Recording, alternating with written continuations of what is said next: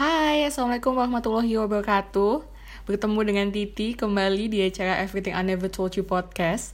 Gue tuh seneng banget bisa ngomong balik lagi atau kembali lagi. Karena kalau gue siaran di London School Radio dulu Itu kan kayak setiap siaran itu beda-beda kan penyiarnya. Jadi gue tuh gak punya acara yang tetap emang gue yang siaran gitu. Jadi gue gak bisa ngomong kembali lagi. Tapi karena ini adalah podcast gue Dunia gue Jadi Yaudah gue aja yang ngomong. Suka-suka gue ya guys. Enggak Anyway Ini tuh selain udah masuk bulan Ramadan Masuk hari kedua ya hari ini Gue baru menyadari Ini juga gue udah masuk tahun pertama Gue bikin podcast. Satu tahun bikin podcast. Gimana perasaannya satu tahun udah bikin podcast? Aneh aja karena dulu gue mikir yang bikin podcast itu adalah orang-orang yang keren banget. Sedangkan gue masih yang taraf keren aja geli nggak? Gue di taraf yang kayak maksudnya gue cuma iseng-iseng aja gue juga ternyata bisa bikin podcast gitu. Dan alhamdulillahnya ada teman-teman yang baik banget mau dengerin mau galau-galau sama gue mau marah-marah bareng sama gue. Dan terima kasih banyak untuk teman-teman yang udah dukung Everything I Never Told You podcast. Dan seperti yang udah teman-teman tahu juga kita baru aja kita tuh maksudnya gue dan podcast ini uh, baru aja merilis segmen baru judulnya Semesta Bercerita itu adalah kumpulan serpihan-serpihan uh, kepingan-kepingan cerita dari universe semesta bercerita. It, isinya ada Rea Aga dari Between the Line, terus juga ada Alana Dimas, Kevin Alana dari It Was Until It Wasn't, dan masih banyak lagi. Mungkin nanti akan ada satu podcast yang gue akan dedikasikan menceritakan universe semesta bercerita punya gue. Karena sampai saat ini gue itu punya dua universe udah kayak Marvel ya guys. Ada universe masing-masing. Tapi emang ada dua universe yang lagi gue jalanin. Uh, dan kalau universe yang paling lama ini yang emang udah dari kecil banget dari gue SMA ya universe yang semesta bercerita ini. Oke. Okay. minggu-minggu ini tuh gue lagi agak-agak berat sih guys dalam kehidupan. Kenapa? Karena gue tanggal 19 ada sidang proposal. Jadi oke ini udah ada reminder kerjaan um, gue tanggal 19 ada sidang proposal jadi sekarang lagi banyak banget yang harus dikerjain. Terus juga ada paper. Ini tuh semester terakhir gue S2 jadi karena habis ini gue gak akan sekolah lagi kan. Ini udah kayak final perjalanan hidup gue dalam persekolahan dunia. Jadi gue juga lagi yang kayak gue gak mau skip kelas gue mau bener-bener belajar gue on cam everyday gue nyatet everyday. Bener-bener kayak gue nggak mau ninggalin satu pun kenangan yang gak baik di semester terakhir. Because this is my last chance. Karena gue nggak akan ngambil lagi sekolah sih. Gue sempet mimpi gue ngambil S1 lagi S1 sastra. Inggris I think but maybe it's only in my dream. Kayak kayak gue nggak akan punya apa ya kayak gue nggak punya energi lagi sih buat sekolah tapi sekolah tuh seru banget ya gak sih? Kayak lo selalu punya kepastian kayak hari ini lo akan ngapain besok lo akan ada ujian apa terus habis itu lo harus ngapain. Itu tuh kayak pasti gitu loh. Gak kayak kerjaan gitu. Kayak kalau kerjaan tuh lo masih gimana ya ada hal-hal yang bikin gak pasti gitu. Kayak misalnya krisis atau mungkin project yang out of your hand or anything that could happen gitu loh. Yang out of the timeline gitu. Tapi kalau misalnya sekolah ya udah sebenarnya udah ada timelinenya gitu. Dan sebagai Capricorn yang suka banget sama kepastian I really love going to school especially in the past five years because I think that that's that's the most apa ya the most uh, gue nggak bisa bilang ha happy mungkin ya proud atau comfortable maybe. Maybe that's the word. Kayak gue ngerasa nyaman banget sekolah ya di lima tahun terakhir ketika gue sekolah di ilmu komunikasi. Ilmu yang gue suka gue juga belajar yang nyaman gue gue akan rela bangun sampai pagi untuk belajar bikin project dan lain-lain because I love the job. I love the the things that I do and then that's because I'm yeah, a communication student. Lebih tepatnya sih mass communication student. So that's what I did in the past weeks ketika gue lagi nggak online di Instagram gue sekarang lebih banyak di Twitter sih karena Twitter tuh gak tau gue lagi nggak terlalu suka sama Instagram ya for some personal reason yang gue nggak bisa ceritain di sini tapi yang jelas gue lagi nggak nyaman nulis atau terlalu sharing di platform online yang umum. Jadi gue lebih banyak ngerjain project nulis dan lain-lain tuh buat gue sendiri. Atau mungkin ya di platform-platform yang emang platformnya gue gitu loh yang gue bikin sendiri. Goalsnya gue yang bikin gitu kayak di blog gue kayak di podcast ini gitu. Ya itu lebih comfortable buat gue sekarang And then apa lagi ya? Oh, the last week before Ramadan come, gue kayak banyak banget hal yang datang. Kayak misalnya kakak gue balik ke Cirebon terus habis itu ada kayak pertemuan keluarga bukan pertemuan keluarga gue sama calon which is gue belum punya calon guys please. Anyone can find me a boyfriend? Tapi kayak Riknam ya harus ya. Terus gue uh, kayak biasa ngobrol sama sahabat gue ada Silvi ke rumah ada Uti juga ngobrol terus kemarin ketemu sama dua teman SD gue. Jalan sama sahabat gue yang ngebantuin bikin remedy tahun kemarin. And surprisingly she's really great uh, friend to talk about K-pop right now. Dan dia juga suka banget sama K-drama so we really kind of have a good time I think. Uh, waktu itu kita makan di um, restoran Korea. Gue makan topoki dia makan I don't know I don't know how to spell it tapi itu mie Korea yang hitam itu loh yang sausnya warnanya hitam. Jajangmyeon ya kalau nggak salah namanya. And then we talk like hours about and not about life. We talk about Korean drama and then also K-pop. And uh, the highlight of the day is uh, we listen to Eric Nam's songs. And apparently he knew about Eric Nam before I did. So uh, dia tuh sempat agak kayak kenapa lo suka sama Eric Nam gitu? Loh karena dia tuh lebih kayak boy band stand gitu. Dan dia kayak kenapa lo sukanya sama Eric Nam gitu? And then we talk about Eric Nam for like 30 minutes during uh, his song juga lagi diputerin di mobilnya. Dan I really like the vibes gitu. Because the people that I talk to itu kenal sama Eric. And then it feels like Eric is real. Kayak Eric beneran ada di hidup gue gitu loh. Kayak Eric makin nyata and I really like the vibes. Jadi gue pulang tuh gue seneng banget walaupun hari itu gue balik langsung kelas terus gue ternyata proposal gue belum masuk ke tesis. Dan honestly itu agak agak apa ya agak panik-panik ajaib ya panik lah pastinya. Cuman alhamdulillahnya kan gue sama Helen kan gue satu tim sama Helen ngerjain non tesis yang we will talk about it later.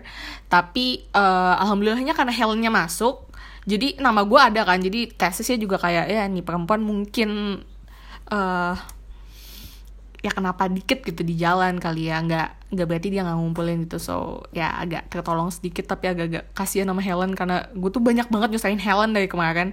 And I really thankful to have her as my partner apparently I've been talking much like seven minutes eight minutes rambling about my life for the past uh, two weeks I think. But I honestly know that you guys like my previous uh, podcast. Like the previous one is the very first episode of Semesta Bercerita dan teman-teman suka ternyata dengerin gue melakukan penggalauan itu. Dan cuma 5 menit dan kayaknya teman-teman langsung kayak oke okay, gue tahu nih lo mau ngomongin apa gitu. Kayaknya teman-teman suka gitu. Mungkin kalau misalnya teman-teman punya topik yang pengen diomongin sama gue boleh kasih tahu sama gue di instagram gue uh, www.instagram.com slash tipluk kaknya dua atau boleh di twitter gue di @rizkirahmadania I would gladly to dive into my universe and see maybe uh, one of my character punya kejadian yang sama kayak lo dan we can talk about it on the semesta bercerita segment. Anyway, for today's episode, as uh, ternyata gue punya kayak satu question box gue buka di tiplok yang gue belum bahas sama sekali kayak udah semingguan. So I would like to answer your questions here. Yes terima kasih banyak. Ternyata masih banyak yang bertanya sama gue. Gue tuh udah kayak janjian sepi nih tapi ternyata tetap rame ya. Kayaknya teman-teman tuh masih sayang gitu sama gue karena gue juga sayang sama kalian. Oke hari ini gue akan menjawab seanas mungkin karena ini everything I never told you. So the very first question comes from Holifah underscore aja lah she asked me kak Titi ciri-ciri orang toksik itu gimana? Orang toksik ya menurut gue orang toksik tuh udah tahu itu gak baik buat dia. Itu bikin dia kesel itu bikin dia emosinya gak stabil tapi dia tetap kepoin dia tetap ngelakuin. Dan orang toksik itu adalah orang yang terlalu menganggap dirinya benar atau terlalu menganggap dirinya salah. Basically yang toxic menurut gue adalah orang yang terlalu sih. Terlalu dalam apa pun itu nggak baik guys. And I've been there. So kalau misalnya kalian denger ini dan mau ngejudge kayak lo tuh toxic? Yeah because I did. I've been there like like years. Menjadi orang yang sangat terlalu. And then being orang yang sangat terlalu it's not good. For everyone. Not only for yourself but apparently itu juga kayak apa ya? Kayak mempengaruhi hubungan lo sama orang lain dan mempengaruhi gimana orang lain melihat lo. So please jadi orang jangan terlalu sih sama apa pun itu. Apa pun itu jangan terlalu suka jangan terlalu benci jangan terlalu sedih jangan terlalu marah. Kontrol diri lo sadar bahwa yang terlalu tuh nggak baik. Iya tapi emang bener sih yang berlebihan tuh nggak baik so. Answer is orang yang terlalu. Hmm, semoga lo nggak kayak gitu ya. But thank you for the question. The next question is Riz underscore Karosmini. Hi Um, pertanyaannya adalah pingin tahu perjuangan kakak dari awal menulis. Awal nulis gue adalah gue um, nulis di buku catatan, buku sekolah sih. Buku tulis halus gitu lo tau gak sih dulu zaman kecil zaman waktu kita masih SD. Gue gak tau SD zaman sekarang ya, but back then when I was in elementary school, everyone yang uh, masuk ke kelas bahasa Indonesia itu belajar nulis halus, belajar nulis sambung gitu dan gue tuh biasanya nulis pakai buku itu. Itu kayaknya gue umur 7 atau 8 tahun sih. Gue udah mulai berimajinasi bahwa gue ingin menulis novel gitu. Terus abis itu ternyata nyokap bokap gue terus juga keluarga besar gue kakak gue sepupu sepupu gue dan teman-teman gue pada saat itu cukup mendukung gue. Walaupun tetap aja sih orang tuh lebih kayak yang apaan sih lo nulis? Ngapain sih? gitu tapi ya gue tetap menjalaninya dan gue sangat menyukai. Dan sejujurnya kenapa gue mendalami nulis juga karena dulu tuh gue suka banget nyanyi. Tapi pada masa itu pada waktu gue masih kecil menyanyi itu nggak cuma tentang lo bisa nyanyi sih. Tapi menyanyi juga lo harus punya skills menjadi cantik dan kurus. Dan cantik dan kurus tidak ada di hidup gue pada masa itu gitu loh. Jadi gue berpikir bahwa gue harus menemukan diri gue yang lain. Kayak gue pasti mempunyai sesuatu hal yang yang bikin gue beda dari orang lain. And then ya yeah, writing is my thing. So since then di kelas 6 gue punya blog gue nulis blog terus terus di kelas 9 gue kenalan sama nulisbuku.com gue rilis buku pertama gue Speak Now. Itu naskahnya sebenarnya udah ada di blog gue. Tapi karena Speak Now karena gue belajar dari umur 14 tahun gimana caranya menjual diri gue ke pasar jadi gue tahu bahwa oke okay, kalau di bu kalau di blognya kayak gini di bukunya harus ada beda sedikit di bagian apanya terus gimana cara ngejualnya dan benar-benar door to door really door to door gue kayak guys gue jualan buku romance teen fiction do you mind to read it please? And then it was a really tough days back then but gue ngerasa kalau misalnya waktu itu gue nggak berani untuk door to door untuk bilang I'm proud of my thing. Kayak sampai saat ini gue nggak akan di sini sih. Maksudnya di tahap yang kayak sekarang gitu yang gue nyaman sama diri gue dan gue kayak yaudah gue gue sukanya ini dan I'm not I'm not ashamed. Walaupun tulisan gue mungkin nggak sebagus siapa nggak sekeren siapa belum masuk ke media sampai saat ini semoga nantinya masuk amin ya robbal alamin. Tapi apa ya um, kalau lo udah sempat baca cerita gue Trouble with You yang sebentar lagi akan dibukukan guys. Thank you thank you thank you thank you. Itu nanti ceritanya ya. Tapi di Trouble with You itu gue punya satu tokoh namanya Gana dan Geneta di situ adalah uh, eh di situ mereka berdua kayak belajar untuk lebih menghargai perbedaan di diri mereka uh, dan juga memperjuangkan gitu loh. Jadi kalau misalnya lo tahu oke okay, gue sukanya nulis gitu ya udah lo perjuangin sampai titik darah penghabisan gitu. Hari ini nggak bagus hari ini jelek ya nggak apa-apa. Yang penting cerita lo selesai besok belajar lagi gitu loh. Karena life is never ending battlefield kalau kata Reval di cerita gue gitu. Jadi kayak ya lo harus selalu mau untuk berjuang dan berkembang sih. Dan jangan pernah puas. Dan jangan pernah bandingin diri lo sama orang lain gue punya idola gue punya kiblat ketika menulis but I'm not comparing myself to her. Gitu. Karena gue tahu um, definisi nge-comparing apa nge-comparing lah gitu membandingkan diri sama orang lain tuh akan leading you up to the insecurity gitu. Dan itu nggak baik gitu. Karena kalau misalnya lo sendiri nggak sayang sama diri lo lo nggak percaya sama apa yang lo punya then who will do it for you guys no one so that's my story thank you for asking and then the next one is at gesu underscore 82 Bu Titi tuh kalau nulis harus nunggu apa dulu sih? Harus nunggu patah hati. Ya. Yeah. That's kind of cliche, but that happens. That happened. Itu karena past tense ya. Itu kayak terjadi beberapa tahun sebelum pandemi sih. Jadi kalau gue nulis buku, either gue patah hati atau either gue mau move on.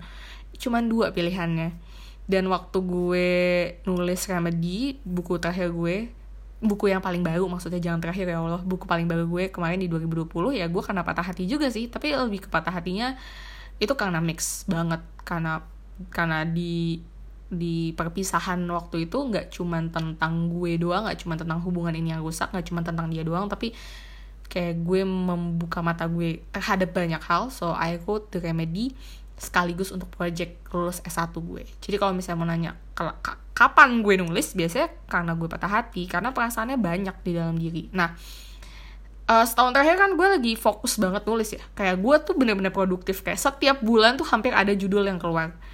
Tapi itu ternyata cuma bertahan sekitar 8-9 bulan lah. Karena pada dasarnya gue tuh tipikal penulis yang bukan yang gini loh, kayak oke okay, gue uh, pengen nulis tentang ini. Gue riset terus gue nulis. Gue bukan tipikal yang kayak gitu. Awalnya gue stres banget sih. Karena oh ternyata gue nggak bisa gitu riset terus habis itu gue nulis. Enggak gue nggak gue nggak ternyata bukan penulis yang kayak gitu gitu. Gue harus gue harus observasi gue harus dikin gue harus ngobrol sama orang gue harus bener-bener tertarik sama topik ya gue harus bener-bener resah gitu sama ini. Karena kalau gue nggak resah gue akan nulis itu gitu kayak mungkin uh, kita ngomongin tentang between the line itu yang paling sering gue omongin tentang kayak sama Aga yang saling sahabatan tapi mereka saling sayang ternyata itu gue punya keresahan tentang friendzone sampai hari ini gitu loh. Dan sampai hari ini gue masih belum menyelesaikan tentang friendzone itu sendiri. Kayak masih banyak banget misteri yang bisa gue dig in dari friendzone karena gue pribadi ngerasa friendzone itu akan lead up to so many exit gate gitu loh. Nggak nggak semuanya tentang uh, oke okay, karena saling suka jadi uh, putus akhirnya nggak bisa sahabatan lagi misalnya kayak gitu. Atau nggak nanti ujungnya baru bisa bareng kalau kalau udah mau nikah gitu. Kalau misalnya kayak sama Aga kan akhirnya barengan karena mereka mau nikah gitu loh.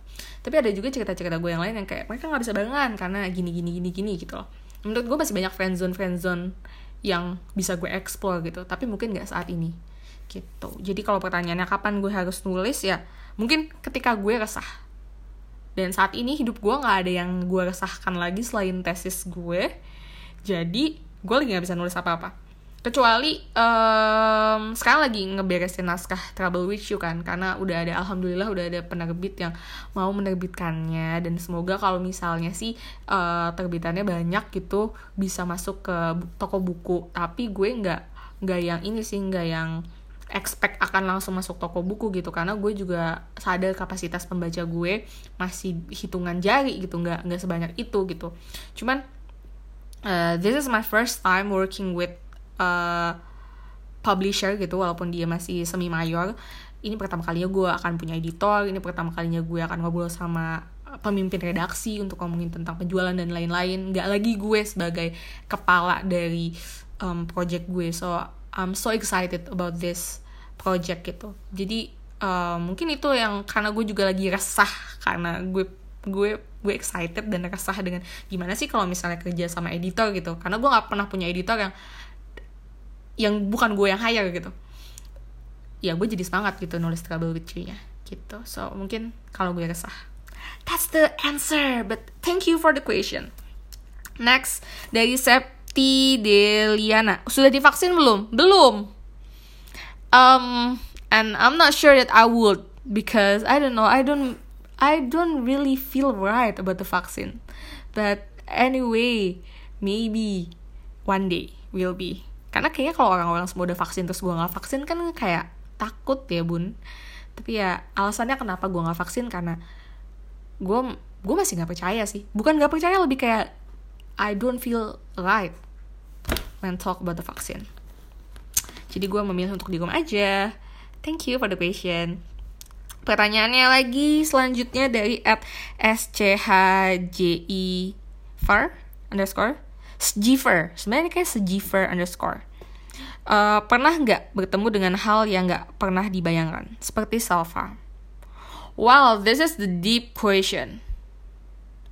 Okay, have I ever met something that beyond my imagination? Yes, I did. And then talking about self harming, um, gue nggak pernah self harm yang ini ya, gue nggak pernah self harm yang self harm yang sengaja melukai diri gitu karena self harm itu sebenarnya ada dua jenis kalau yang gue pelajari ketika gue lagi uh, ngejain remedy dan pas S1 gue emang ngebahas tentang self improvement pada pelaku self harm um, self harm itu banyak ada yang dari segi pemikiran lo lo mikir negatif terus menerus aja tentang diri lo tentang dunia tentang whatever it is. Kalau lo ngomong negatif terus atau terlalu positif but it's a self harm lo nyakitin diri lo sendiri dengan fakta yang mungkin gak benar gitu dan tentang sesuatu yang cuman ada di kepala lo doang makanya penting banget untuk lo belajar komunikasi intrapersonal di mana lo belajar untuk ngomong baik sama diri lo. Lo ngobrol sama diri lo. Lo mencoba untuk mencerna apa yang ada di kehidupan ini sama diri lo. Dan coba untuk ngeliatnya dari banyak sisi bukan cuma dari sisi lo doang. Itu pentingnya lo bisa jadiin diri lo sebagai teman ngobrol lo gitu. Tapi ya jangan semua cuma yang ada di kepala lo gitu loh. Makanya namanya komunikasi intra intrapersonal lo harus belajar untuk bisa observasi nih di sekitar tuh kayak gimana sih? Oh ya coba dilihat dari diri gue tuh kayak gimana sih? Gitu. Dan diajak ngobrol dari diri lo. So far self harm yang pernah gue lakukan adalah I really want to be thin because people been mocking me up since I was a kid. Gue tuh nggak yang gendut banget sih. Tapi gue berisi dan sangat gempal sangat bulat. Lo tau Doraemon? Gue kayak Doraemon um, I never feel so good with myself. Dan gue tuh pengen banget kurus jadi gue suka makannya nggak teratur gak benar dengan dengan harapan kayak wah gue sibuk terus jadi makannya nggak teratur jadi kurus gitu. Enggak ternyata nggak kayak gitu akhirnya. And and then my body feels apa ya? Aching gitu loh sakit. Sakit perut lah sakit kepala lah sakit punggung lah karena makan yang nggak bener karena nggak olahraga karena ini karena itu and that's part of self harm gue baru tahu itu ketika gue belajar tentang self harm jadi self harm gak cuma tentang lo menyakiti diri lo dengan benda-benda aja gitu loh. Tapi gimana lo nge diri lo sendiri juga. So yeah I've been there.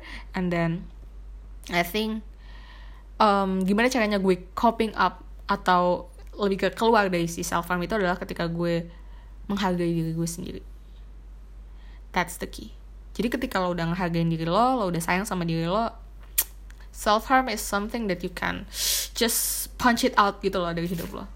And if you are there if someone out there is um, having that kind of um, behavior towards your towards the body towards yourself towards your mind i really hope that you could find someone to talk to. Dan please kalau emang lo udah ngerasa gak kuat banget datang ke psikolog because that's what I did gue datang ke psikolog and then it helps me thank you so much untuk psikolognya itu adalah psikolog paling baik yang gue kenal selama gue hidup di 22 tahun pada masa itu anyway thank you for the question um this is another question for her from her And then this one is good.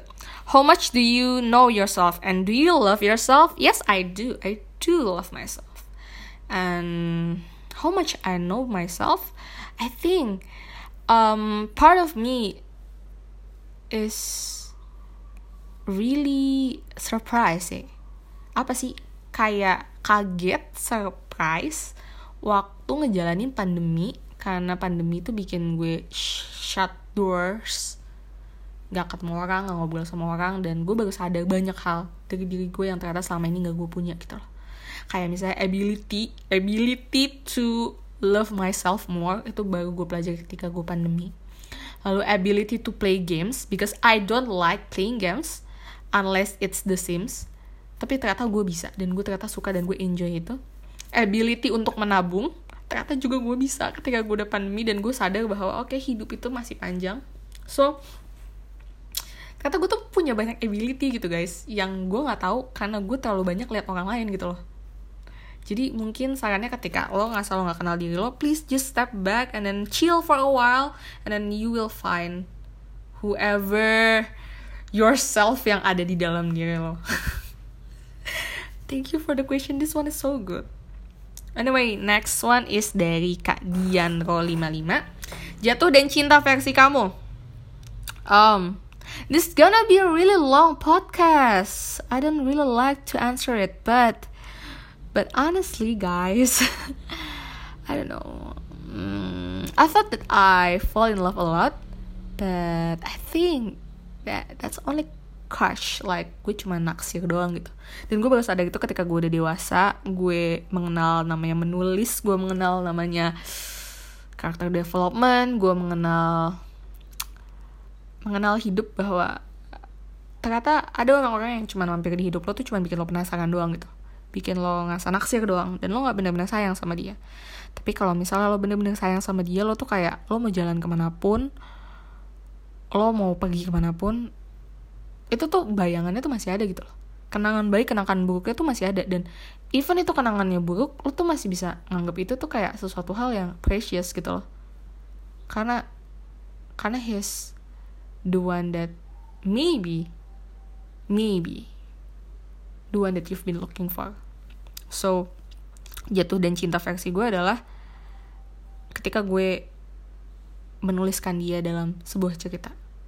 Dan itu nggak habis di satu flash flash fiction itu nggak habis di satu postingan blog itu nggak habis di satu Instagram story it is a book and then I'm sure when you heard about this may, maybe you you will find that yeah you, you have assumption mm, maybe this one is the one that she talks about yeah uh, kind of um I've heard about him a lot, I think, because he's good in my memories. Like apa ya dia dia baik dia dia the one that uh, I've been looking for.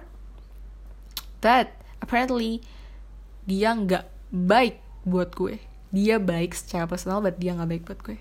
So ya, yeah, jatuh dan cinta gue adalah ketika gue menuliskan orang itu dalam sebuah cerita karena gue nggak mungkin bisa bikin dia sebagai inspirasi gue ketika gue nggak benar-benar sayang sama dia that's hard that's a harsh truth I mean I have access yang gue nggak tulisin cerita buat dia. And if you are listening to this guys I'm so sorry. I don't mean it. Kayak gue nggak gue nggak I don't mean to ya gue gue nggak gue nggak tahu. Ini nggak bisa dipaksa. Gue seneng gue gue gue suka gue gue seneng gue bahagia melewati masa-masa itu bersama kalian. Tapi ketika when it comes to writing it, itu kan anas ya and I couldn't talk about you guys. I'm so sorry. But thank you guys for loving me. I love you too. Thank you for the question. Um at Puan Kopi I. Hai Puan.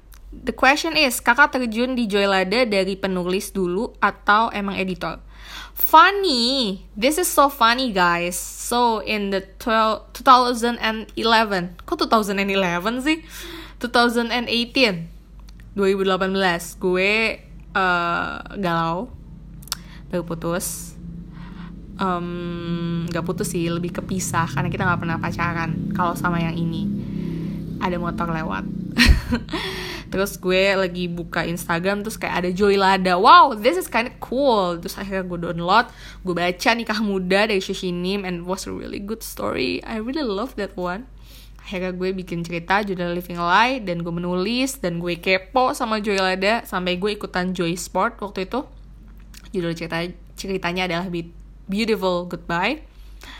Um, gue kepo gue kepo banget Joy Lada. Gue kontak Joy Ladanya gue da gue datengin dia ke London School Radio kayak gue kayak kak datang yuk gue mau interview gitu. Karena gue kepo apa sih sebenarnya Joy Lada gitu? Kenapa Joy Lada bisa bikin gue bahagia banget gitu loh tapi ternyata yang bikin bahagia banget ya bukan Joy Ladanya gitu loh the fact that gue ketemu sama cerita yang pas, yang cocok sama keresahan gue, itu ceritanya uh, nikah muda kan tentang uh, eh, JJ sama Calvin yang dijodohin, terus mereka sebenarnya nggak saling cinta, tapi akhirnya jadi cinta dan uh, Calvinnya tuh dingin banget, tapi uh, sayang pada akhirnya sama JJ dan gue tuh ngerasa itu kayak relate sama gue gitu loh. Jadi sebenarnya bukan tentang Joy Ladanya aja gitu yang bikin gue bahagia tapi karena gue menemukan cerita yang benar-benar cocok sama gue. Dan tentu saja di Joy Lada itu juga gue menulis dan gue ngerasa kayak happy banget.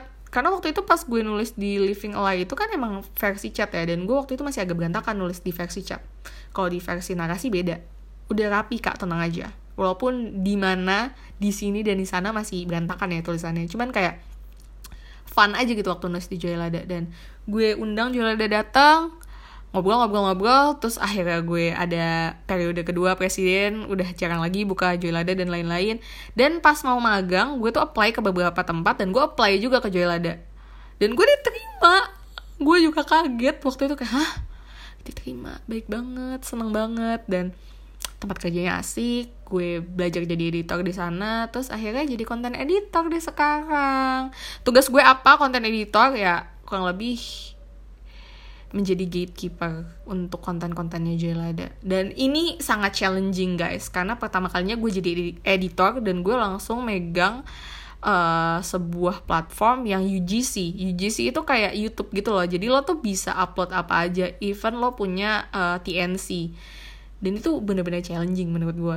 Beda kan kalau lo jadi editor di penerbitan gitu. Kan itu kan kayak lebih ke apa ya lebih kayak oh yang bakal dikeluarin ya ya udah yang lo terima gitu loh. Tapi kan ini banyaknya ya orang udah upload dulu gitu. Dan gue harus kayak memonitor dan mengedukasi orang-orang. So it's kinda good fun challenging and then ya yeah, ini job ini actual job kedua gue sih selama gue hidup.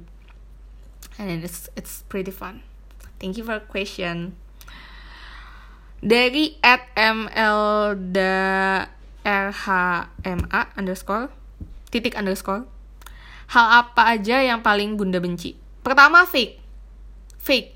Fake. Please gue tuh bisa ngerasa banget kalau texting lo tuh fake. Dan gue tuh ketemu banyak banget orang yang typingnya fake. Itu kerasa banget asli. Jangan so asik jangan enggak enggak. Kalau so asik pasti mending ini so baik. So baik tuh kerasa banget. Nggak usah nggak usah so baik. Fake. Yang kedua adalah play victim yang ketiga adalah minta ditreat sebagai orang dewasa, tapi kelakuannya bocah. Gue gak suka banget. Minta diperlakukan secara equal, tapi uh, treat, uh, tapi sikapnya bocah. Dan gue ngerasa semua hal yang gue benci itu adalah gue pada masa lalu. Jadi ketika gue ketemu sama orang-orang yang kayak gitu, gue ngerasa kayak, wah gila, stres banget gue ternyata dulu gitu dan ternyata masih ada teman-teman gue yang masih mau kayak ayo Titi jangan tolol ayo bisa yuk bisa bisa gitu gue sangat bersyukur gitu ternyata masih ada orang yang mau ngingetin gue dan sekarang gue bertemu dengan banyak banget orang yang kayak gitu dan gue ngerasa kayak hah? Apa sih? Bisa nggak jangan kayak gitu? Gitu loh. Tapi sumpah gue gue gue mau ingetin sama teman-teman gue sih dan sama pendengar sekalian uh, please kalau lo mau di treat profesional lo mau di treat dewasa eh jadi orang dewasa jangan jadi bocah. Tahu tempat lo di mana gitu loh tahu menempatkan diri gitu. Gitu. Dan jangan merendah untuk meroket. Sumpah itu gue malasin banget sama orang kayak gitu. Gue ketemu sama orang kayak gitu banyak banget.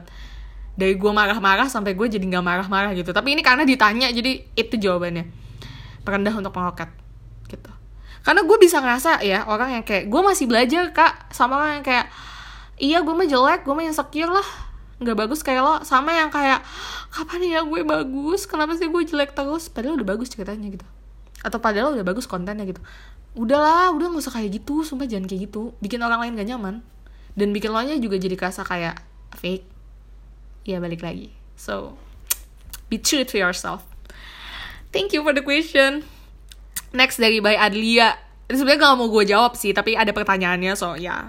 the question is kenapa Najamin cuma satu di dunia? Karena kalau Najamin banyak di NCT jadi banyak juga isinya. Nggak ada yang bercanda. Kayak karena gue juga suka nanya gitu loh kayak kenapa Eric Nam cuma satu di dunia? Karena kalau misalnya Eric Nam banyak jadi nggak one one of the kind. Ya sama juga kayak Adlia juga nggak banyak. Yang Adli yang kayak Adlia tuh cuma Adlia doang. Ada juga kok yang nulis tentang Day6 tentang NCT ada banyak tapi mereka bukan Adlia sama kayak gue. Banyak juga kok yang suka Eric Nam banyak juga kok yang nulis tentang radio tentang self improvement tentang friendzone tapi mereka bukan gue. Percaya sama diri lo sendiri. Dan kalau emang najamin jodoh lo gak bakal ke mana. Pertanyaan selanjutnya. Oh my god I'm so nervous. Uh, pertanyaan selanjutnya dari Oscilate Kak Titi gimana kabarnya hari ini? I'm pretty good, I'm pretty fine, and I'm pretty happy today. Ini hari kedua Ramadan dan gue ngerasa nyaman banget nulis di blog nulis di handphone nggak nulis di platform online dan ternyata bikin nyaman untuk saat ini terima kasih untuk pertanyaannya semoga kamu juga bahagia ya dan baik-baik aja pada saat ini selanjutnya lagi ada dari Queen underscore Sora. Pernah ngerasain deket sama lain jenis beda agama nggak kak Titi? Pernah dong. Pernah sekali. Dan nggak mau lagi please. Gue cuma mau sekali aja. Itu aja gue sekali ya. Gue sekali aja itu gue jadi buku berapa tuh? Lu bayangin kalau gue berkali-kali ya nggak kayak gitu-gitu gitu loh. Um, dan semuanya nggak ada yang berakhir baik. Asli deh kalau teman-teman baca cerita pendek gue yang terbaru tuh uh, skala skala bintang. Skala bintang juga tentang beda agama kan? Itu juga berat gitu. Gue sama Erik juga beda agama berat gitu. Dan gimana perasaannya? Ya menurut gue gini sih. Ketika gue ketemu sama orang ya gue sekarang berhenti untuk berpikir jauh banget gitu loh karena emang bagus bagus banget lo berpikir untuk long term gitu. Lo mikir kayak gue gak mau bohongin waktu lah terus gue ngapain di hubungan ini kalau bohongin waktu? Bagus gitu. Cuman untuk beberapa cases I think that ya yang bisa lo lakuin adalah yang bisa lo lakuin adalah menikmati momennya. Karena gini loh dunia itu besar banget dunia itu sangat luas semesta itu sangat luas. Dan dari miliaran makhluk yang diciptakan sama Tuhan lo tuh dipertemukan sama dia dan lo punya momen untuk menghabiskan waktu sama dia. Bukannya itu udah indah bukannya itu udah sangat sesuatu hal yang beruntung gitu. Sesuatu hal yang harus lo syukuri ya gak sih? So ya kalau misalnya lo ada di hubungan kayak gitu lagi ya menurut gue nikmatin aja dulu momennya. Tapi think smart selalu ingat gitu. Akhirnya lo ke mana sih? Dan ini balik lagi ke pilihan sih. Kalau gue kan waktu itu gue cuma sekali. Dan insya Allah nggak akan lagi selain sama Erik ya kalau Erik kan udah jelas ya dia ke gereja bun. Saya sholat gitu. Beda beda jalur gitu. Cuman um, ya ya nikmatin aja gitu momennya. Gue nggak mau lagi sih balik ke masa-masa itu karena kalau dulu gue insecure nggak ke tentang agama sih. Tapi kalau misalnya gue harus balik lagi ke momen itu dan harus insecure agama sih gue lebih kayak ya gue nikmatin karena gue kenal sama dia tapi ya udah gitu. Gak usah mikir apa apa lagi dan gak perlu terlalu jatuh.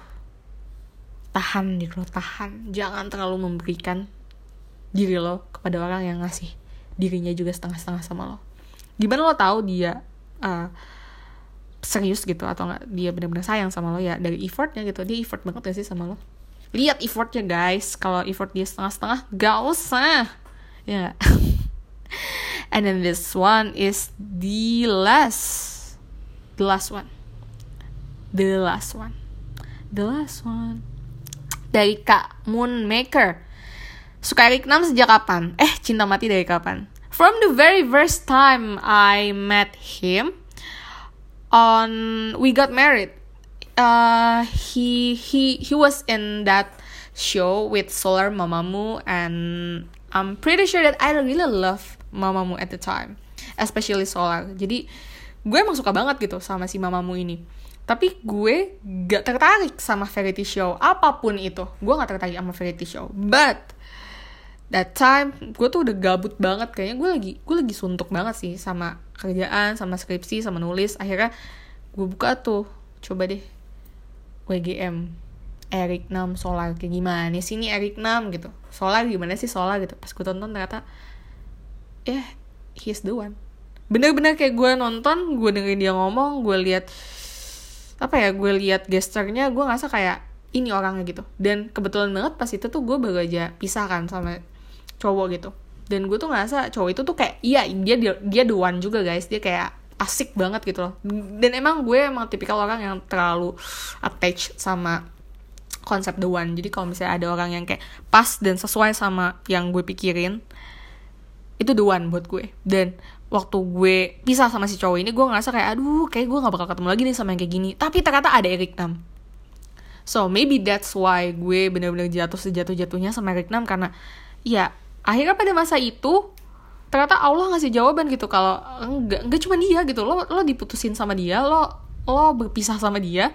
Ya karena emang bukan dia orangnya dan lo nggak perlu takut gitu di luar sana ada orang lain yang kayak dia bahkan lebih baik daripada dia dan dia pasti ad akan ada buat lo di waktunya di waktu yang tepat. That's the reason and the long story short cerita gue tentang Eric Nam. Anyway it's kinda late. Gue masih ada yang harus gue kerjain dan udah dijawab semua pertanyaannya Alhamdulillah. Terima kasih banyak untuk teman-teman yang sudah bertanya. Dan semoga jawaban-jawaban gue bisa menghibur teman-teman hari ini Apalagi lagi pada abu burit kan ya. Dan um, gak kerasa udah 40 menit guys Oh my god, lama sekali obrolan ini. Tapi gue seneng banget sih bisa ngobrol sama teman-teman di Everything I Never Told You.